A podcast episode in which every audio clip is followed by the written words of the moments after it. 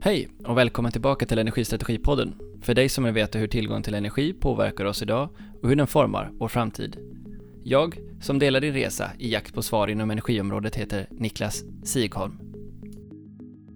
Idag träffar jag Anders Jonsson, VD på det kommunalägda Sundsvall Energi. Man tillhandahåller fjärrvärme i huvudsak från Korstaverket, elhandel och energitjänster. Omsätter cirka 700 miljoner och har drygt 100 anställda. Sundsvall är känd för att ha en stor pappersmassaindustri och även kemisk och aluminiumindustri. Sundsvall Energi har jobbat med industriella samarbeten i många decennier och Anders har varit med länge på den resan. Med den erfarenheten, hur ser han på de förändringar som nu sker på marknaden? Är det något nytt eller är det bara mer av samma? Kul att ha er tillbaks! Hjärtligt välkommen till Energistrategipodden, Anders Jonsson. Tack ska du ha Niklas. Hur är läget i Sundsvall? Ja, men det här är ju så här aprilväder här nu med lite kallt på nätterna, fantastiskt soligt och fint på dagarna och sen så är det väl löfte om att det ska komma någon blötsnösväng här så att det är precis som det ska vara vid den här tiden på året. Och i övrigt så är det väl hyfsat bra i Sundsvall på många olika fronter här då. Men ingenting är så bra så att det liksom inte finns någonting kvar att göra ett litet hörn och det, det behövs ju bra så att man har en arbetsvardag också. Märker ni av att det händer saker inom energibranschen hos er? Eh, ja, absolut så är det som så. Men eh, det är både ibland de stora rubrikerna men sen är det också det här med att jobba med vardagsförbättringar i det vi gör. Och de kan ju vara lite grann olika. De stora rubrikerna är en sak och där vi kanske behöver prioritera verksamheten just nu kan se lite grann annorlunda ut. Men eh, det är helt okej. Okay. Så får det fortsätta vara. Vill du ge mig en, en exposé över hur du hamnade i energiområdet och din tid på Sundsvall Energi? Ja, eh, den blir väl i och för sig ganska summarisk därför att eh, som charmerist så läste energiteknik så hamnade jag som då eh, många i min ålder så gjorde en kort period på Vattenfall och så småningom därifrån på Sundsvall Energi och sen har jag varit här väldigt länge sedan efter det. Så att den där historien varit ganska kort. Men hur kom du in på just energiområdet och vad var det som har drivit dig genom det? Ja, när jag var ung och grön och rebellisk då hade jag en atomkraft nej tack eh, så märker på en grön parkasjacka en gång i världen under gymnasietiden där då. Och det var då vi gick omkring och hojtade att det ska vara sol och vind istället för kärnkraft och liknande där. Så att eh, där någonstans kom ju intresset kring de här frågorna. Sen må det väl hända att min syn på kärnkraft har modererats någonting genom åren här då och så småningom så kom det där med sol och vind, det som jag hojade runt när jag var äldre tonåring och nu som så ganska klart senior då är det ju sol och vind som gäller. Så att vissa saker eh, var tydligen rätt men det tog ändå sin goda tid, ungefär nästan hela min yrkesverksamma tid innan det faktiskt fick genomslag. Och vi på Sundsvall Energi är ingen stor aktör inom sol och vind. Så man kan ju så fundera på den där ungdomens ideologi och drivkrafter. Vart de egentligen tar vägen när man blir lite mer senior. Jag tycker sol och vind fortfarande är bra naturligtvis. Men eh, i vissa fall så kan man ju ha det haft lite svårt med lönsamhet och förräntningen. Och det tycker jag också är bra med sånt som är lönsamt. Men innan vi kommer in, för det gör vi säkert, mer på de områdena. Kan du berätta för oss och lyssnarna mer om Sundsvall Energi och vad ni gör och vad er position är? Ja, vi är ju väldigt typiskt att säga en spegling av vår kommun. Eh, helkommunalt ägt utav Sundsvalls kommun. Vi driver större delen av vår verksamhet inom Sundsvalls kommuns gränser här då. Och på flera av våra så att säga, produktområden så blir vi också definierade utav Sundsvalls kommun dess utveckling och eh, vi är ju självklart också så en stor del utav kommunens historik ifrån 1867 då vi började bygga Eh, kommunal infrastruktur för att se till att stan blev då en trevligare och bättre plats att besöka, bo i och arbeta i för Sundsvallsborna. Och de sista bitarna har ju gällt i mer än 150 år här nu att eh, Vi är ju i väldigt stor omfattning till för att stan ska vara bra för de som av olika anledningar bor eller vistas här. Den grejen har inte ändrat sig på så väldigt, väldigt många år, men vårt sätt att lösa det tar ju sig naturligtvis nya uttryck. Om man ska gå till ett område inom Sverige som är synnerligen energiintensivt så skulle Sundsvallsregionen vara ett område att landa i. Hur är det för er och vad innebär det för er att vara omgivna av både pappers och massa och numera kanske kartongverksamhet och även aluminiumverksamhet? Hur, hur påverkar det och hur är det? Ja, vi kan väl börja med att säga att eh, vi har ju alltid haft då, industriföretag som om man nu tar med energivolymmått räknat alltid har varit mycket större energiföretag än vad vi har varit. Det är ju en speciell situation att pratar man om energifrågor i Sundsvall, ja då är det ju kraftigt elberoende eller elanvändande industri med omsättningstal som ju då i de flesta fall har varit mer än dubbelt som våra tal som då blir fokus.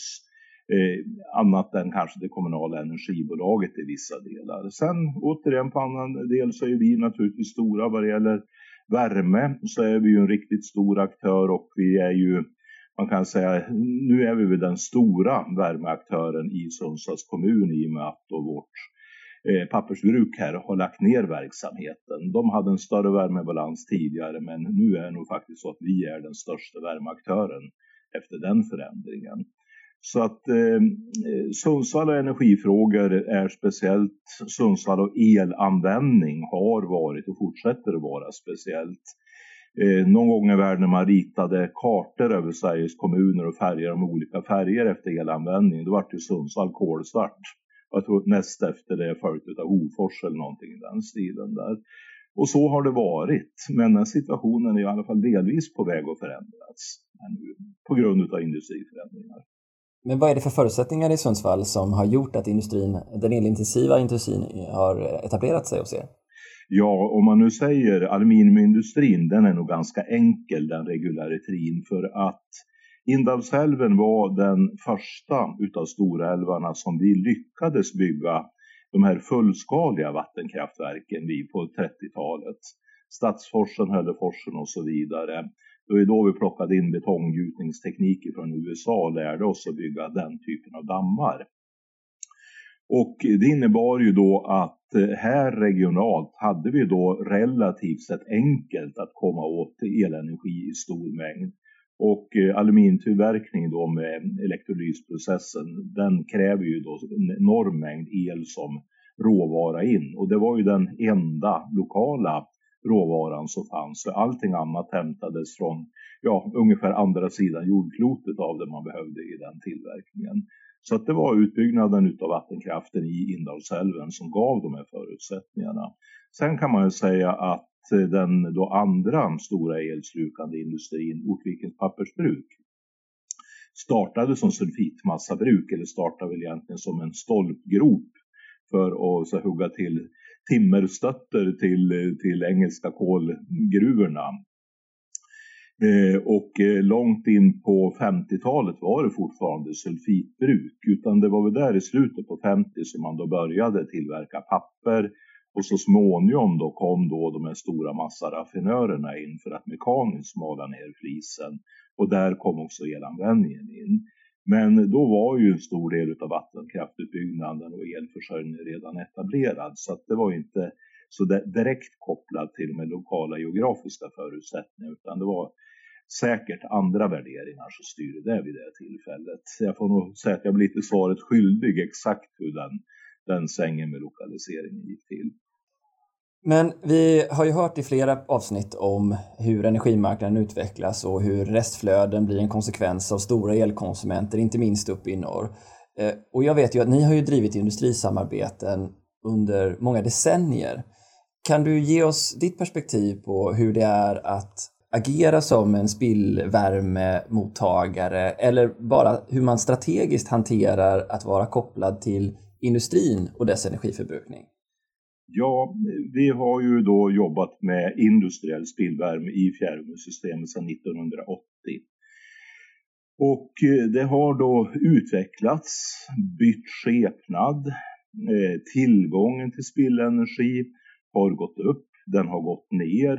Eh, vi och industrin har förnyat och moderniserat de anläggningar som har nyttjats för att ta tillvara spillenergi.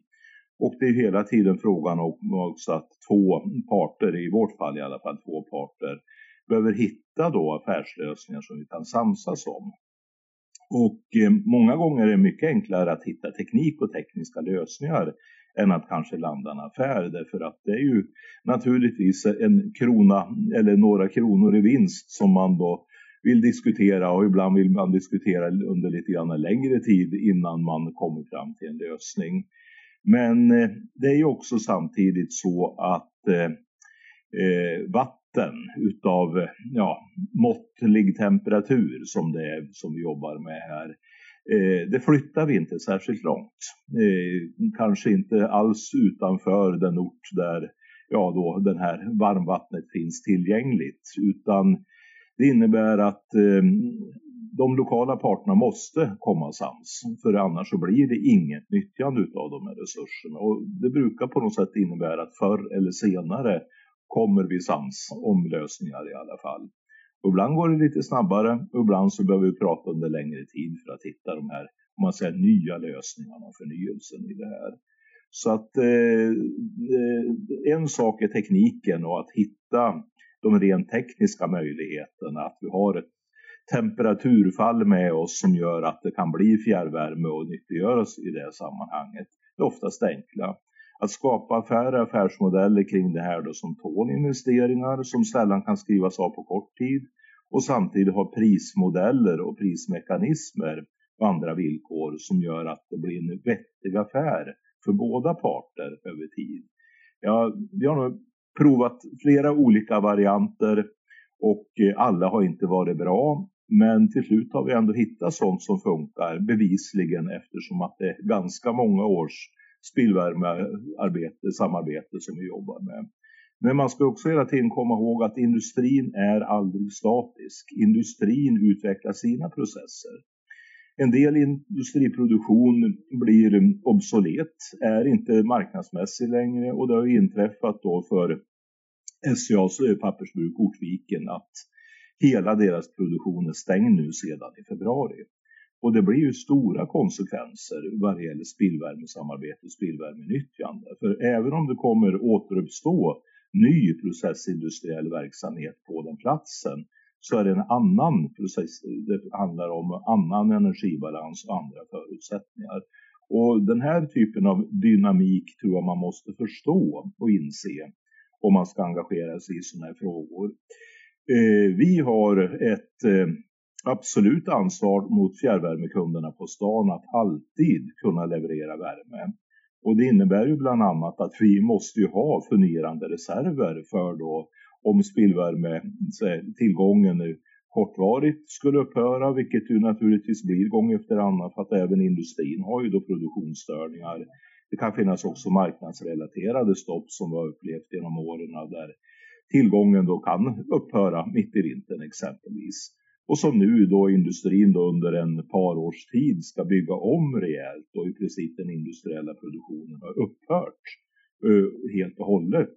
Då finns ju naturligtvis inget spillvärme att hämta heller när inte det är någon processindustriell verksamhet på gång. Hur mycket spillvärme var det som, eh, som försvann där, bara för att ge lite perspektiv? Ja, eh, vi hade just ifrån eh, Ortviken som är en av två då spillvärmeleverantörer idag så var det storleksordningen, sen bruttoanvändningen var ungefär 120 gigawattimmar. Och eh, nu försvann det mesta rent processmässigt, dock inte avtalsmässigt för att teknik och affärer kan vara lite grann olika i sammanhanget här. Eh, det kommer inte gå ner på rent noll därför att eh, det pågår ju då byggnationer för att bygga in nya processer. En textilåtervinningsindustri med stora likheter med, med kan vi säga, pappersmassatillverkning och en ny CTMP massabruk kommer att byggas på Ortviken. Och det innebär att befintliga lokaler kommer att varmhållas och förbruka en hel del värme och eh, I det sammanhanget så kommer vi få en mycket begränsad mängd spillvärme som vi kan jobba med ifrån den gamla kopplingen. Men eh, i stort sett försvinner nästan alltihopa i ett, på ett bräde här nu. Så jag förstår att Alltså den totala bruttomängden energi ni skulle kunna ta tillvara på om man summerade ihop allting är väl säkert flera gånger än det behovet ni egentligen har i stan. Men det finns en avvägning här låter det på det som, en balans som måste göras och förståelse mellan hur mycket man kan förlita sig på en kommersiell affärslogik och det uppdrag ni har från er stad. Ja, eh, man, de här förändringarna i industrin kan faktiskt gå väldigt fort. Från, eh, ja, om vi tar Otviken, från ett eh, officiellt beslut i eh, Ja, egentligen, vi fick informationen i augusti och det formella beslutet togs i september. Så är då papperstillverkningen stängd i utgången av februari månad. Där går det fort. På den korta tiden så kan inte vi och knappast någon annan i branschen skaffa ersättningsproduktion för sådana volymer. Så snabbt kan det gå ibland. Och då säger det sig självt att vi måste ju ha fungerande alternativ. Sen kan fungerande alternativ vara då väldigt oattraktiva att begagna sig av om det är eh, säg, olja i gamla hetvattenpannor som ju både är fantastiskt dyrt som man tvingas begagna sig utav då naturligtvis och helt fel miljöprofil också. Enda fördelen med den lösningen är ju att de där gamla oljepannorna är avskrivna sedan väldigt, väldigt länge och kostar fruktansvärt lite att hålla i ett fungerande skick. Så att eh, det, det är den typen av reservfrågor man får fundera kring. Vi har ju den fördelen i det här att eh, vår andra spillvärmekoppling i det här kommer vi kunna utnyttja lite grann mer istället här nu. Men det blir ett tapp under några år och eh, vad det gäller just den industriella fortsättningen så vet vi ju fortfarande inte vilken ny energibalans som den här nya eh, processindustriproduktionen vid Ortviken kommer att ha någon gång 2023 och framåt. Och eh, det är ju den brutto som också anvisar hur mycket som finns för oss att eh, göra en affär kring vad gäller spillvärme. För att man eldar ju inte för att producera spillvärme. Man eldar för att skapa processindustrins eh, värmebehov. Och sen beroende på hur pass sluga kopplingar man har så kan vi då gulla ut mer eller mindre så värme vid lite lägre temperatur som vi kan nyttiggöra oss av i det här hur nära liksom, industrins strategisk utveckling måste ni ligga? Vi ser ju att en rad bolag, bland annat skogsindustrin, tittar på CCS-lösningar som leder i vissa fall till väldigt stora restvärmeflöden, mer än vi har sett tidigare. Eh, och vi ser andra industrier inom stål som satsar på att eh, också öka sin elkonsumtion för att få bort det fossila. Jag kan tänka mig att det finns liknande utveckling även inom aluminium. Hur, hur ser ni deras framtida behovs påverkan på på er situation? Ja, men generellt kan vi säga att eftersom att de här verksamheterna då finns här i vårt närområde. Det är framförallt kanske det fyra större industrikomplex som vi på ett eller annat sätt har samarbete med eller skulle kunna utveckla samarbete. Två är ju från skogsindustrin. Det är ju SCA med Östrands massabruk och Ortvikens då tidigare tidningspappersbruk, men som blir ett massabruk här nu. Det är eh, Kubal med aluminiumsmältverket och det är eh, Norjon med kemikombinat.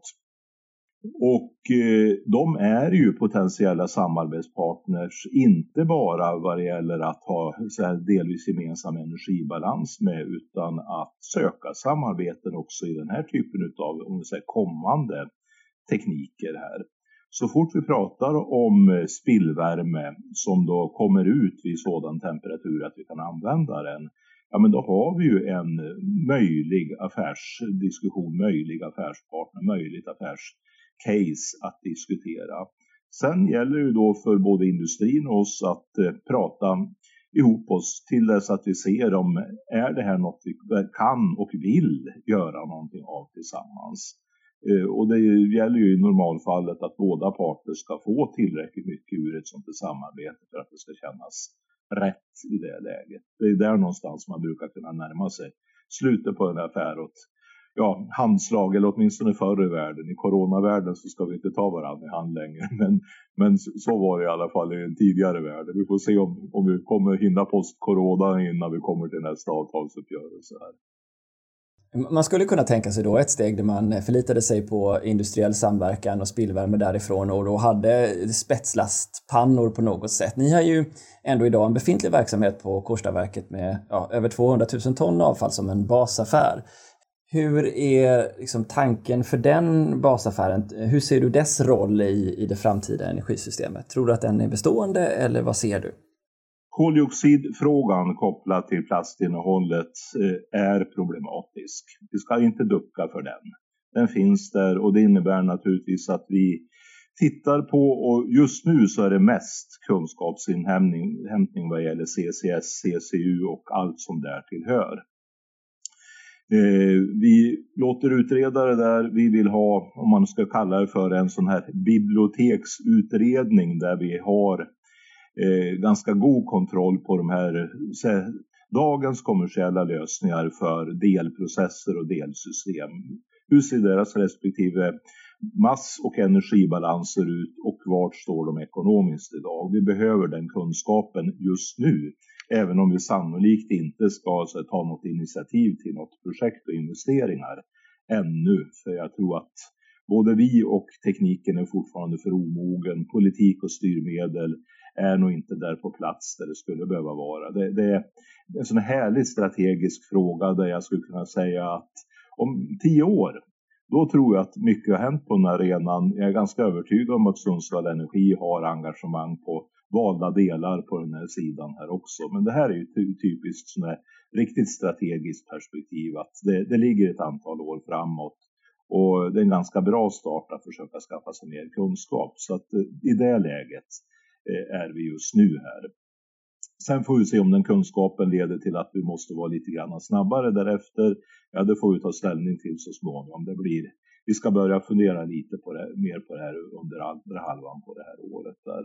Så att eh, koldioxidfrågan och dagens statistikregelverk, att den i princip då belastar fjärrvärmen. Vilket Flera kloka branschföreträdare tycker är djupt orättvist eftersom att det är ju då avfallslämnaren som då har ett restavfall så småningom som det finns ett behov av att slutbehandla där då materialåtervinning inte räcker till. Men eh, hela, hela den så här, mantran kan vi ju ganska väl och vet hur det fungerar, vi i branschen.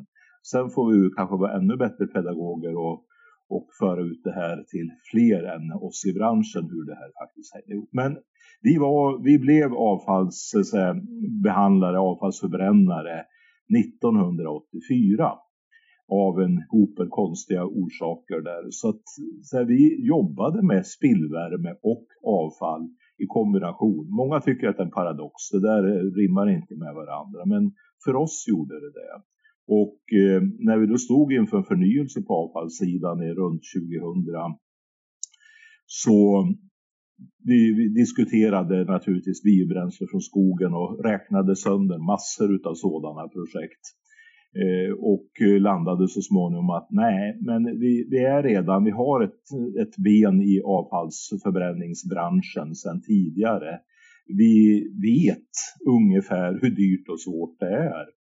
Eh, och eh, tyckte att vi skulle nog våga på den sidan. Så att vi, vi gjorde då en satsning som gick bra, får vi säga. Och eh, den går så pass bra så att nu håller vi på för fullt och handlar upp en uppgradering av den här befintliga anläggningen. Och med andra ord, vi tror ju naturligtvis på att den, den kapitalinvestering som vi gjorde då för 15 år sedan att den är värd att satsa lite grann till på. Att det är en verksamhet som ska kunna försvara sina färger 10-15 år till framåt i tiden åtminstone. Och eh, vi får väl se om vi resonerar rimligt rätt eller om vi, om vi inte gör det. Men eh, vi numera investerar utav fritt eget kassaflöde. Vi sätter oss inte i någon extra skuld eller någonting annat för att göra de här satsningarna. Och det innebär också att vi har stort eget manöverutrymme beroende på vart framtiden skulle gå. Det med manöverutrymme är faktiskt inte fel att ha ibland.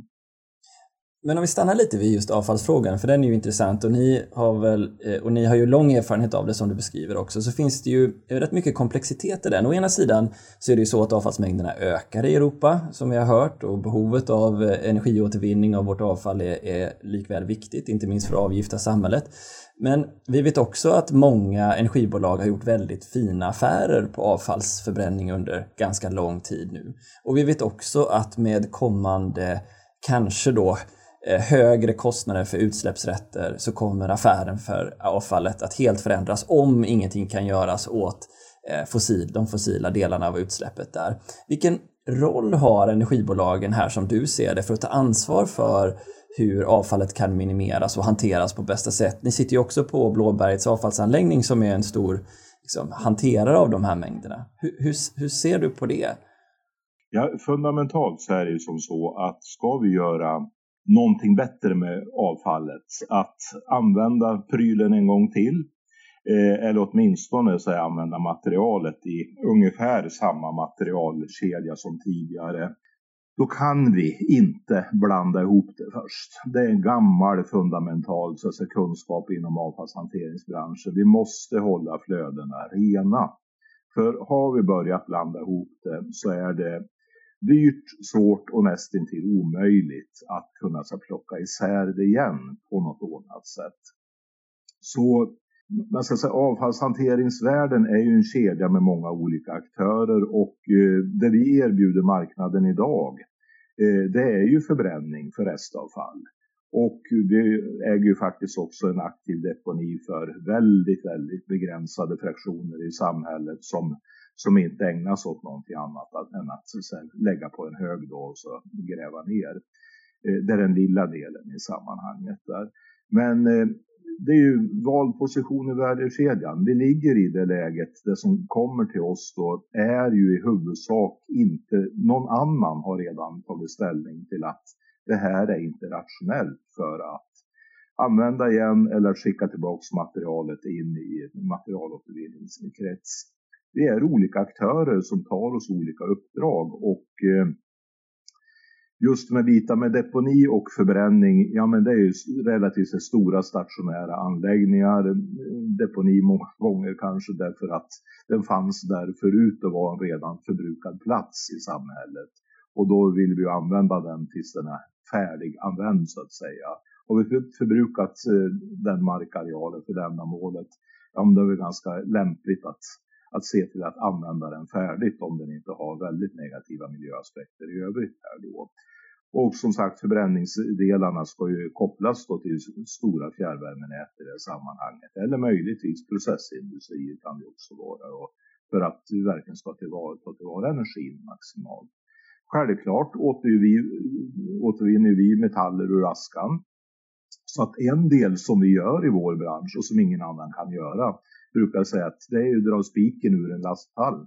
Det gör man inte på ett ekonomiskt rationellt sätt på något annat vis. Den som har provat vet hur pass eh, så krångligt det där är. Men det gör ju vi eftersom att vi då sorterar aska och slagg och plockar ur väldigt stor mängd nyttig metall ur den som sen går tillbaks till metallåtervinning. Eh, någon kan tycka att det är litet och fnuttigt men jag tycker faktiskt att det är ganska elegant att eh, där det ändå går Eh, att ta tillvara befintlig metall som annars hade varit nästan till omöjlig att eh, separera ut ur avfallsströmmarna och återvinna, så gör vi det. En skruv ifrån ett gångjärn till någon gammal dörr eller liknande där. Ner på den nivån kan jag gå och plocka i den här metallhögen som går raka vägen då till skrotindustrin sedan. Så att eh, det finns ju där, men vi kommer knappast vara den eh, viktigaste aktören för en ännu högre grad av materialåtervinning. Eh, man måste ta det uppströms. För när vi har blandat, då har vi skapat svårigheter, gjort det dyrt. Och blandade material är svåra att få in i materialåtervinningskedjor. Jo, men om jag tolkar det ändå så, så nyttan av energiåtervinning eh, är ju väldigt hög. Ändå så kanske vi ser ett framtida energisamhälle där Eh, den lilla del av det fossila som finns kvar är just från exempelvis avfallsförbränning. Och ska det ansvaret skickas upp i sorteringskedjan, är det det du menar? Nej, jag tror inte det. För jag tror faktiskt att vi så småningom då får en eh, del av restavfallet med fossilt innehåll som då ändå kanske bara ägnar sig till förbränning. Om vi nu tar plast och vi pratar om vårt byggda bestånd. Vi har eh, modern plasttillverkning kommer sedan andra världskriget ungefär. Det är då vi började med industrikemi i större omfattning om jag förenklar lite grann. Och eh, sedan dess har vi ju då tillverkat plaster av olika slag som har ju då förenklat och förbättrat samhället enormt. Och sen har vi så småningom kommit på att alla av de här var kanske inte miljömässigt bäst där. Men eh, låt säga att vi under eh, 50 års tid eller lite grann mer 70 års tid har vi successivt byggt in mer och mer plast i våra byggnader. Eh, och om vi nu säger att renoveringar, större stomrenoveringar och annat där eh, kanske kommer vart 50 år om byggnader lever ungefär 100 år. Så är ju så att säga utesittningstiden i genomsnitt 50 år på dessa plaster. Så att eh, 50 år framåt så kommer vi få hantera sån plast som vi bygger in idag. Och eh, idag hanterar vi sån plast som vi byggde in för 50 år sedan. Den här eftersläpningen ser jag inte hur vi ska kunna så komma till skott med på något annat sätt än att acceptera att eh, viss mängd plast som var då kemiskt tillverkad på sånt sätt att vi inte vill återvinna den igen för den innehöll sån kemi som vi faktiskt vill fasa ur samhället. Ja men där är förbränning med höga miljöprestanda. Det är en jättebra lösning. Och då har vi den fossila delen där som vi kanske ändå får acceptera med de här olika, ska vi säga kompensatoriska åtgärderna, CCS, CCU eller annat för att hantera den begränsade mängden. Vi kommer att tillverka ny plast utav bättre kemi än vad vi gjorde tidigare. Men vi kan inte blunda för historien. Den kommer att finnas där i minskande omfattning, men den kommer att finnas där många år än. I alla fall min tid. Om vi byter ämne lite nu då så, och knyter an till det du började med, det här med sol och vind, så sker ju en stor förflyttning nu eh, som vi känner till och har pratat om flera gånger, eh, inte minst inom vind som förväntas bli det största energislaget här, eller större än kärnkraften i alla fall ska sägas, ehm, om ett antal år. Ehm, I vilken mån märker ni av eh, förändringen av eh, mer eh, samproduktion och nya installationer av solceller och hur det påverkar energisystemet hos er? Än så länge är det genomslaget i väldigt liten omfattning. Jag vet inte om vi är lite senare utav oss här uppe eller vad det nu är för någonting. Vi har ju några större fastighetsägarorganisationer som har engagerats i att sätta solceller uppe på taket. Och eh, vi är ju naturligtvis med och vill skapa elhandelslösningar så att eventuellt överskott kan hanteras på ett rimligt sätt och liknande. Det är ju i sammanhanget är det just nu ganska enkelt. Det är kanske enkelt för att vi fortfarande har en liten omfattning här då. På eh, småhussidan också så finns det naturligtvis, men för oss har genomslaget hittills varit ganska litet, måste jag nog faktiskt säga. Vi har eh, hanterat eh, elen från några vindsnurror. Vi har några kunder där vi har så att säga, kan vi säga, deras solel att hjälpa dem att hantera och balansera där då. Eh, det funkar. Det, det, än så länge så funkar befintliga affärsmodeller som jag ser ganska bra. Hur funkar det sen då för ännu större genomslag? Ja, det är min nästa fråga såklart. Då. Hur kommer det här att påverka er tror du? Ja, jag är rädd att jag blir svaret skyldig på den sidan. I och med att Sundsvall Energi, eh, vi är ju en förhållandevis ändå liten kraftaktör. Vi, vår egen elproduktion det är ju då eh, kraftvärmeelen ifrån avfallskraftvärmesidan Eh, den är egentligen en reglerpost som vi balanserar mot marginalkostnaden för värmeproduktionen så att vi kan både producera mer och mindre el beroende på marginalpriserna på värme. Eh, vi är naturligtvis elhandlare, vi har elnätverksamhet inom koncernen men eh, det är nog kanske ändå så att det är andra aktörer som då har större förmåga att skapa lösningar kring eh, man kan säga balansering utav vind och sol. Och jag är inte säker på att Sundsvall Energi måste vara en av de större aktörer på den sidan. Vi vill naturligtvis lösa kundbehov hos våra befintliga kunder om man har möjlighet. Men det kan vi lösa själv eller i partnerskap.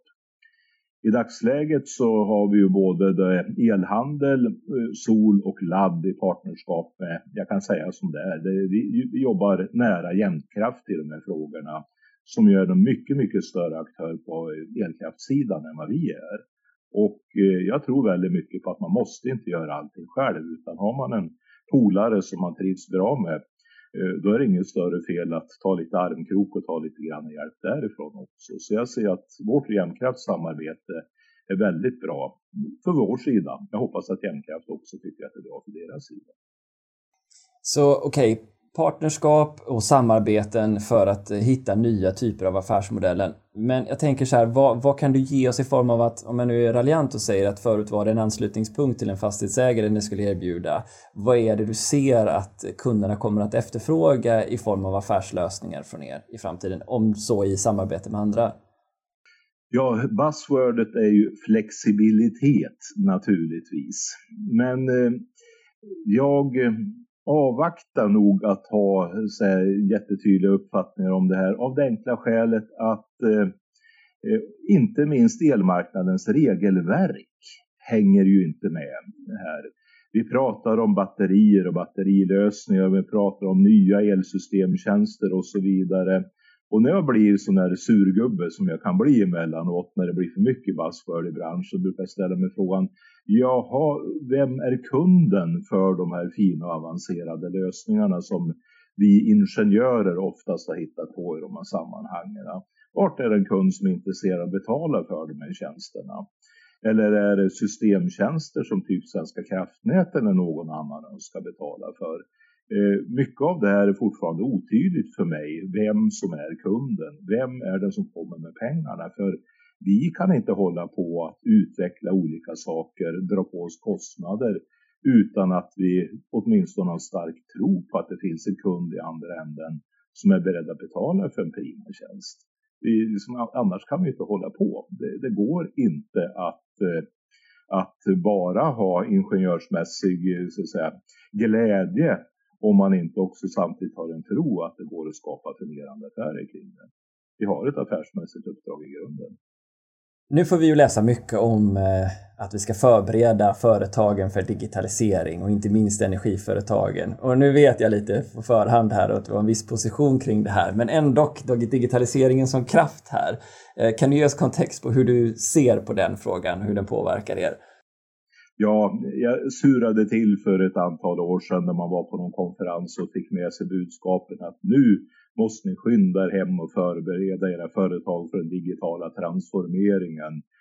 Eh, för att det skulle vara någonting som var så nytt.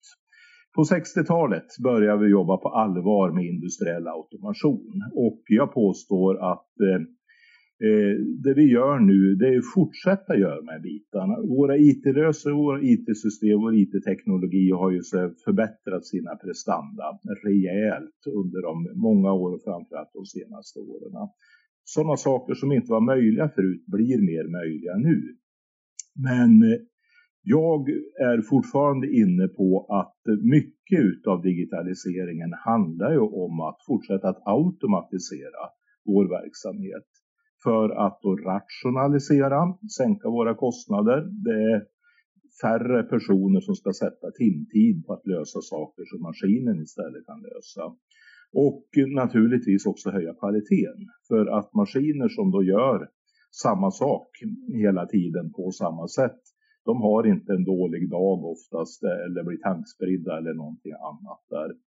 Så att eh, jag är kanske en konservativ gamstofil i sammanhanget. Men att ska vi då få lönsamhet i våra IT-investeringar eh, då tror jag att de i ganska stor omfattning måste då sänka våra interna kostnader. Att vi måste hitta sådana lösningar som då gör sådant maskinellt som du annars i tidigare lägen har gjorts med, med insatser från människor, från medarbetare.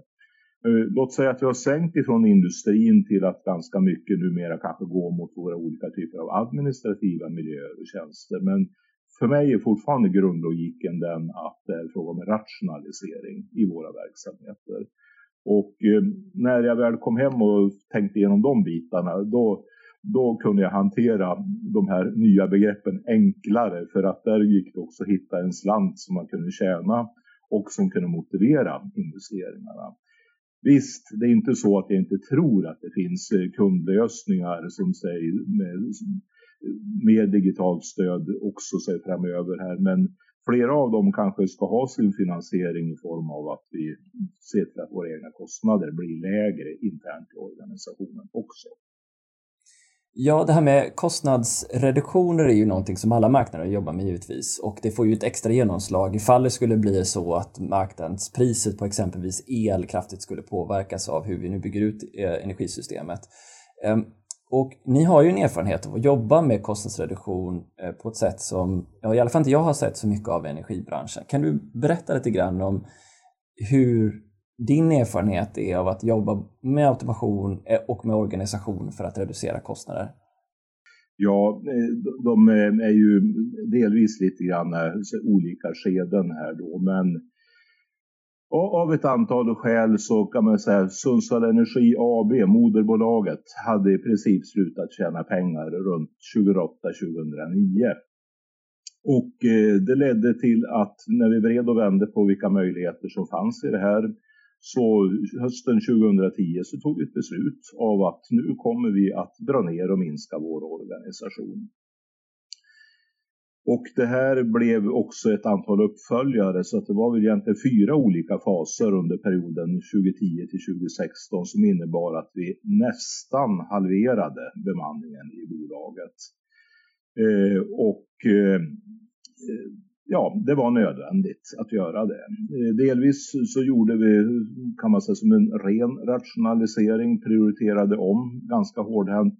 Delvis så kunde vi också outsourca viss verksamhet, till och med en del av energiproduktionen när vi då utökade köpet av värme ifrån andra så drog vi ner i vår egen produktion, stängde verksamhet och eh, sen minskade bemanningen. Eh, det och det var inte bara pensionsavgångar då, utan det var en, en, en ren rationalisering också? Ja, jag brukar säga att utav närmare då 100 personer som lämnade verksamheten så var det ungefär en tredjedel som då gick i pension, ungefär en tredjedel som ja, hittade här, andra jobb själva och ungefär en tredjedel som faktiskt meddelades uppsägning från Sundsvall Energi. Så att eh, det har vi gjort, den erfarenheten har vi. Det var inte de roligaste åren på jobbet, men det var faktiskt nödvändigt för oss att göra den, den svängen. Mm. Jag tänkte fråga lite mer om den här insikterna kring det här, för man kan ju tänka sig att i alla fall i en föränderlig värld så kan det ju likväl som för industrin som för energibolagen komma perioder då man behöver göra rejäla neddragningar av marknadsmässiga skäl. Eh, vad är det du skulle skicka med till branschen att tänka på när det gäller kostnad och kostnadsfokus? I strategiskt arbete? Ja, vi satt ju där att eh, vi, vi hade så att säga egentligen inget val. Vi hade möjligtvis kunnat gå till ägarna och knacka på och tyckte att de skulle se tillföra mer kapital någonstans. Men eftersom vi samtidigt också såg att eh, det finns en möjlighet att trimma och effektivisera verksamheten.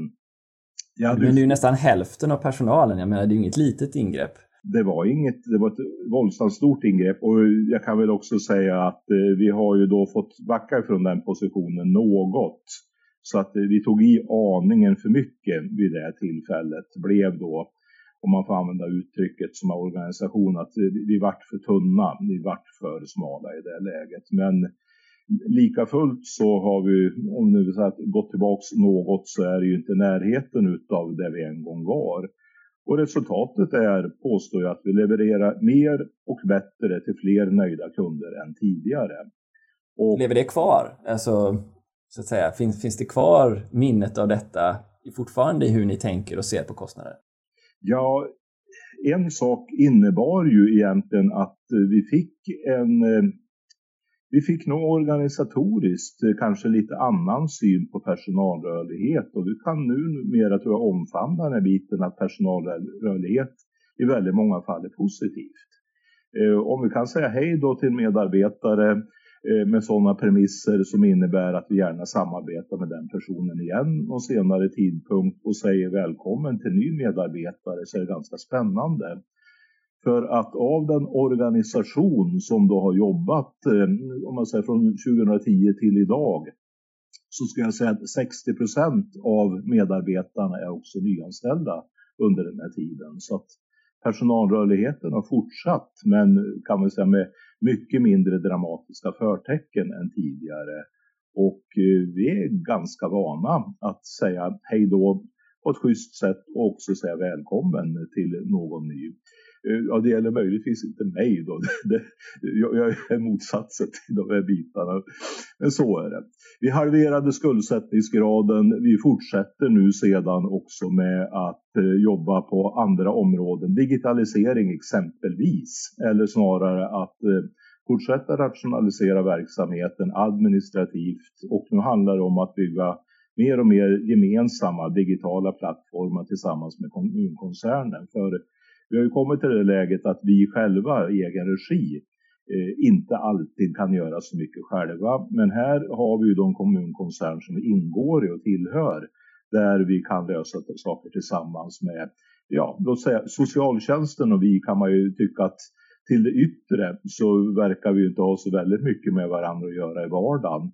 Men när du kommer att betala ut lön en gång i månaden till våra medarbetare, då har vi ju i stort sett identiskt samma behov.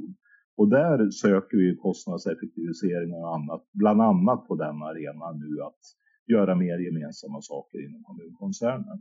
Så att eh, vi fortsätter ju det här arbetet, men det tar sig andra uttryckssätt. Är det, är det där du ser att, eh, att digitalisering kommer fortsätta slå eh, eller skapa möjligheter för rationalisering? Det är inom administrativa tjänster hos er? Jag har inte gett upp hoppet om industrin och fortsättningen även där, men om vi säger att eh, av de traditionella administrativa tjänsterna så ska, om vi ska motivera investeringar i nya IT-plattformar, då måste de kunna ge interna kostnadsbesparingar och det är faktiskt så att det är eh, personer som ska lägga färre timmar i den direkta hanteringen här. Vi kan väl prata om eh, kundtjänst, kundservice eller kalla vad man vill. Eh, vi tror att vi behöver bygga en 24-7 kundservice framöver. Den kommer ju i allt väsentligt vara digital för att eh, det finns inga möjligheter att ha, för oss att motivera och ha exempelvis skiftgång i kundservicedelen. Så många kunder är det inte som ringer på helgen eller sent på kvällen som vill ha kontakt med oss. Men en digital lösning ger ju möjlighet till bättre då kundservice och ger oss möjligheter rätt hanterat till kostnadsbesparingar i form av rationalisering. Och jag då som tittar på en del statistik från energibranschen ser ju att det är inte så att inom traditionella energibolaget att kostnadsläget så här kraftigt påverkas neråt eh, och snarare att det går åt andra hållet. Vad ser du själv i form av förmåga för dina kompisbolag i branschen att driva kostnadsreduceringar? Du som har varit med ett tag. Ja, det här att dela ut pekpinnar åt andra, det är ju otroligt vanskligt. Men eh, som sagt, eh, vi genomförde det här, det, det, gick att göra. Det är ju frågan om då man vill ta det här. För eh, när vi startade så var det definitivt inte roligt. Vi gjorde ju inte det här för eh, att vi kände ja, det här är det fränaste och roligaste man kan göra, utan det var precis tvärtom. Vi visste ju att vi skulle säga, göra en hel hop medarbetare oroliga och ledsna. Vi visste att man skulle skapa massor med frågor, att vart är Sundsvall Energi på väg någonstans? Vi visste att det skulle bli jobbigt och vi lärde oss så småningom också att det här var ju inte vi bra på som arbetsgivare. Både vi och våra fackliga organisationer var ju helt otränade på den här arenan. Så att eh, man ska ha respekt för om man ger sig in på de här bitarna där då ja, jag tar det på orden att eh, kanske få har jobbat. Att eh, det finns nog också anledning att fundera igenom hur man i så fall försöker vara duktig på att genomföra det här. För att eh, Ska man driva rationaliseringar som innebär att människor kommer att sägas upp och lämna företaget, eh, då bör man ju ha ambitionen att göra det här med ett stort mått av respekt för de berörda i alla fall. Men eh, vi kunde inte så ha ett Sundsvall Energi som på något sätt var frikopplade ifrån marknad och omvärld och realiteter när man kan säga resultatet på sista raden var för svagt. Vi var tvungna att vidta åtgärder och eh, det här var våra åtgärder vid den tidpunkten. Andra företag kan ha andra möjligheter och andra åtgärder som ligger i, i deras möjligheter. Men vi, vi har jobbat med våra bitar, vi har dragit våra lärdomar av det här. Ja, vi hör ju mycket om det, marknadsutvecklingen, eh, att slutsatser kring det är såklart att utveckla nya affärsmodeller, förstå ny teknik och det slår igenom. Men som du ser det, hur viktig är kostnadskontrollen och rationaliseringen som del av strategin för att vara relevant på en framtida energimarknad för er? Ja, alltså att utveckla nya lösningar till kunder ja, i värsta fall kanske kunder som ännu inte riktigt finns eller ännu inte riktigt vet att de ska vara kund för någon ny spännande frän sak. Det är ett risktagande. Ofta är det stora kostnader, stora utvecklingskostnader och eh, de flesta erfarenheter visar ju också att när vi kommer med helt nya lösningar så brukar ju marknaden inte eh, så att säga, orderböckerna kanske inte är full dag ett utan det brukar ta lite grann tid innan så vi vänjer oss till med de här bitarna. Allra helst om om regelverk och annat inte är riktigt på plats. Så att, eh, att utveckla nya lösningar kostar rejält med pengar. Vi har varit på den arenan och testat några saker som blev riktigt, riktigt dyra innan vi stängde igen dem också. Så att eh, vi, vi har nog varit där och provat. Eh, och jag eh, tror ju mig veta i alla fall att vi har fortfarande stort utrymme att förbättra i det befintliga.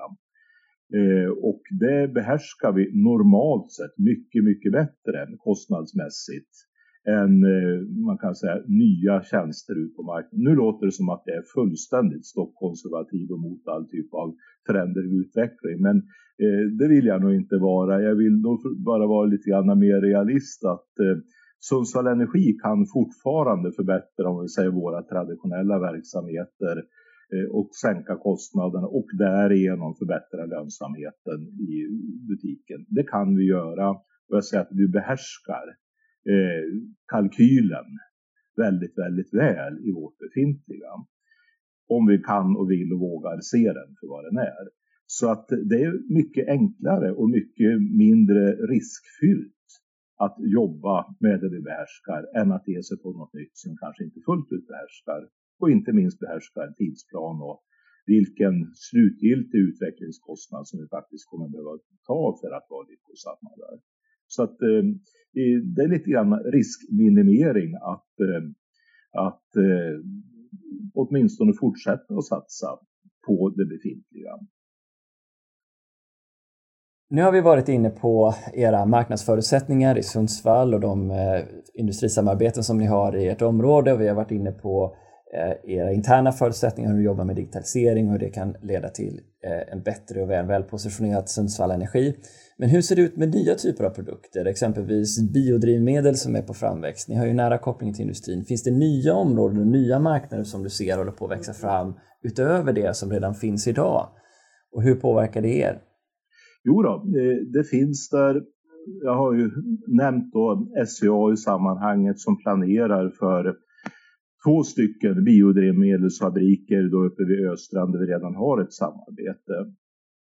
Om de blir av så påverkar ju den samlade energibalansen på den industrisajten. Eh, vi kommer rimligtvis att kunna göra, eh, fortsätta göra värmeaffärer men de kommer ju då naturligtvis att kunna ändra i sin karaktär, att bli lite grann annorlunda. Men den här typen av fabriker, det är ju kan man säga miljardsatsningar i sig. Och eh, jag ser inte att vi ska finnas med på ägarsidan på den sidan. Vi kan gärna vara som en energipartner och att jobba med spillvärmelösningar om vi hittar sånt som passar in i vår energibalans. Men som eh, investeringsvärlden ser ut här nu så misstänker jag att det kommer vara någon form av pensionskapital eller annat som är liksom så den huvudsakliga finansiären i botten. Ska man jobba med drivmedel, då tror jag att då måste man ha partners på den marknaden, alltså så här, eh, bensinbolag, oljebolag eller de aktörer som finns på den marknaden som behärskar den marknaden. För vi energibolag är ju inte på den marknadsplatsen idag. Vi jobbar inte med de kunderna och annat där. Och eh, det kostar extra mycket pengar om man ska bygga upp en marknadsorganisation, nå kunder där andra redan finns på plats på den banan och som jag gissar är duktiga. Så partnerskap, samverkan och eh, med tanke på hur finansieringssidan i alla fall ser ut för tillfället så är jag mycket tveksam om vi kommer exportera vår balansräkning i någon större omfattning. Där. Så biodrivmedel kommer vara relevant i, eller kommer vara aktuellt i er region i alla fall. Hur ser det ut på vätgassidan? Jo, men då har vi ju kanske framförallt kopplingen till eh, CCU då. Att eh, om vi kommer till eh, att fånga in koldioxid och att vi då tycker att man ska göra något mer med den än att eh, skeppa iväg den någonstans och pumpa ner den i backen. Eh, då är det ju då framförallt eh, med hjälp av vätgas man kan reformera koldioxid till någonting annat som man kan så att säga, göra någon industrikemi av och skicka iväg till ändra eh, drivmedelsvärlden eller till någon annan del. Där ska vi ju så samla på oss kunskap som jag sa tidigare här. Men just vätgas i sig vätgas är inget självändamål.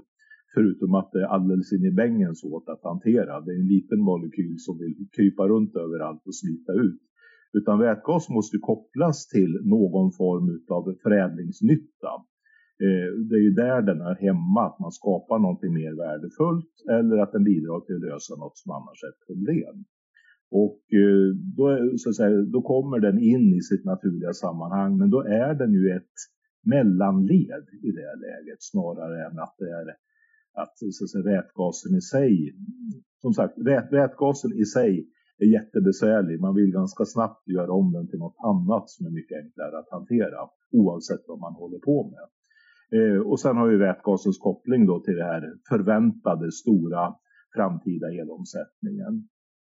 Så att eh, vi ska försöka kika på det där men i dagsläget finns inga konkreta planer för någonting sådant just nu utan det är, det är ett nyfiket intresse på vart det skulle kunna finnas här, roll och, eh, och utrymme för det här och eh, vad just Sundsvall Energis möjliga position skulle vara. För att vi måste inte vara överallt. Men så jag tolkar det lite grann så är det mycket av parallella tekniker som nu utvecklas och att det är lite av att vänta, se, utred, undersöka vart marknaden är på väg innan position tas. Förstår jag dig rätt då? Ja, framförallt så tror jag att eh, om vi tittar på någon sån här ny spännande, för det tycker jag absolut att det är, eh, industriell processlösning och någonting annat där. Vi, vi måste som alltid börja ute hos kunden. Ska vi då tillverka någon, någonting nytt, någonting spännande och det finns massor med spännande saker som går att göra. Ställ frågan, vem är kunden? Eh, vad vill den betala? Hur löser kunden sitt eh, här, problem eller så möjlighet idag? Och hur skulle någon ny lösning då, så här, så här, kila sig in på något begåvat sätt där? Jag tror man måste börja i den änden hela tiden. Än att bli jätteförtjust i att någon industriell processkoppling ser så där extra ingenjörsmässigt elegant ut. Eh, det finns alltid, det måste finnas en betalande kund i bortre änden någonstans där om vi ska få en affär att funka. Och jag vill nog att vi ska börja med att fundera de banorna. Vem är kunden? Duger vi till att lyfta fram en sak fram till kund eller behöver vi en partner som är mycket bättre att leta rätt på kunden någonstans där borta? Eh, och sen får ju som det ge sig själv i fortsättningen där då, vart i så fall vår position kan vara. Då vill jag avsluta med att låna din blick eh, genom att ställa dig den svåra frågan. Om du tittar och blickar bortåt 2030, vad tror du eh, Sundsvall Energi kommer vara då? Jag är ganska säker på att vi kommer att fortsätta att leverera på våra befintliga affärer. Eh, eh, om Sundsvall växer och utvecklas de närmsta tio åren så är ju min förhoppning att tro att då har vi växt och utvecklats i, i paritet åtminstone med stans utveckling här då. Eh, Sundsvall ska vara klimatneutralt 2030 säger våra huvudmän, ägarna, politikerna. Och det innebär att Sundsvall Energi har gjort ett antal industriella steg i den riktningen. Förhoppningsvis är vi klimatneutrala då eller åtminstone i alla fall bra på väg. Eh, så att det bör ha skett vid den tidpunkten. Jag är säker på att vi har energisamarbete med lokala industrier.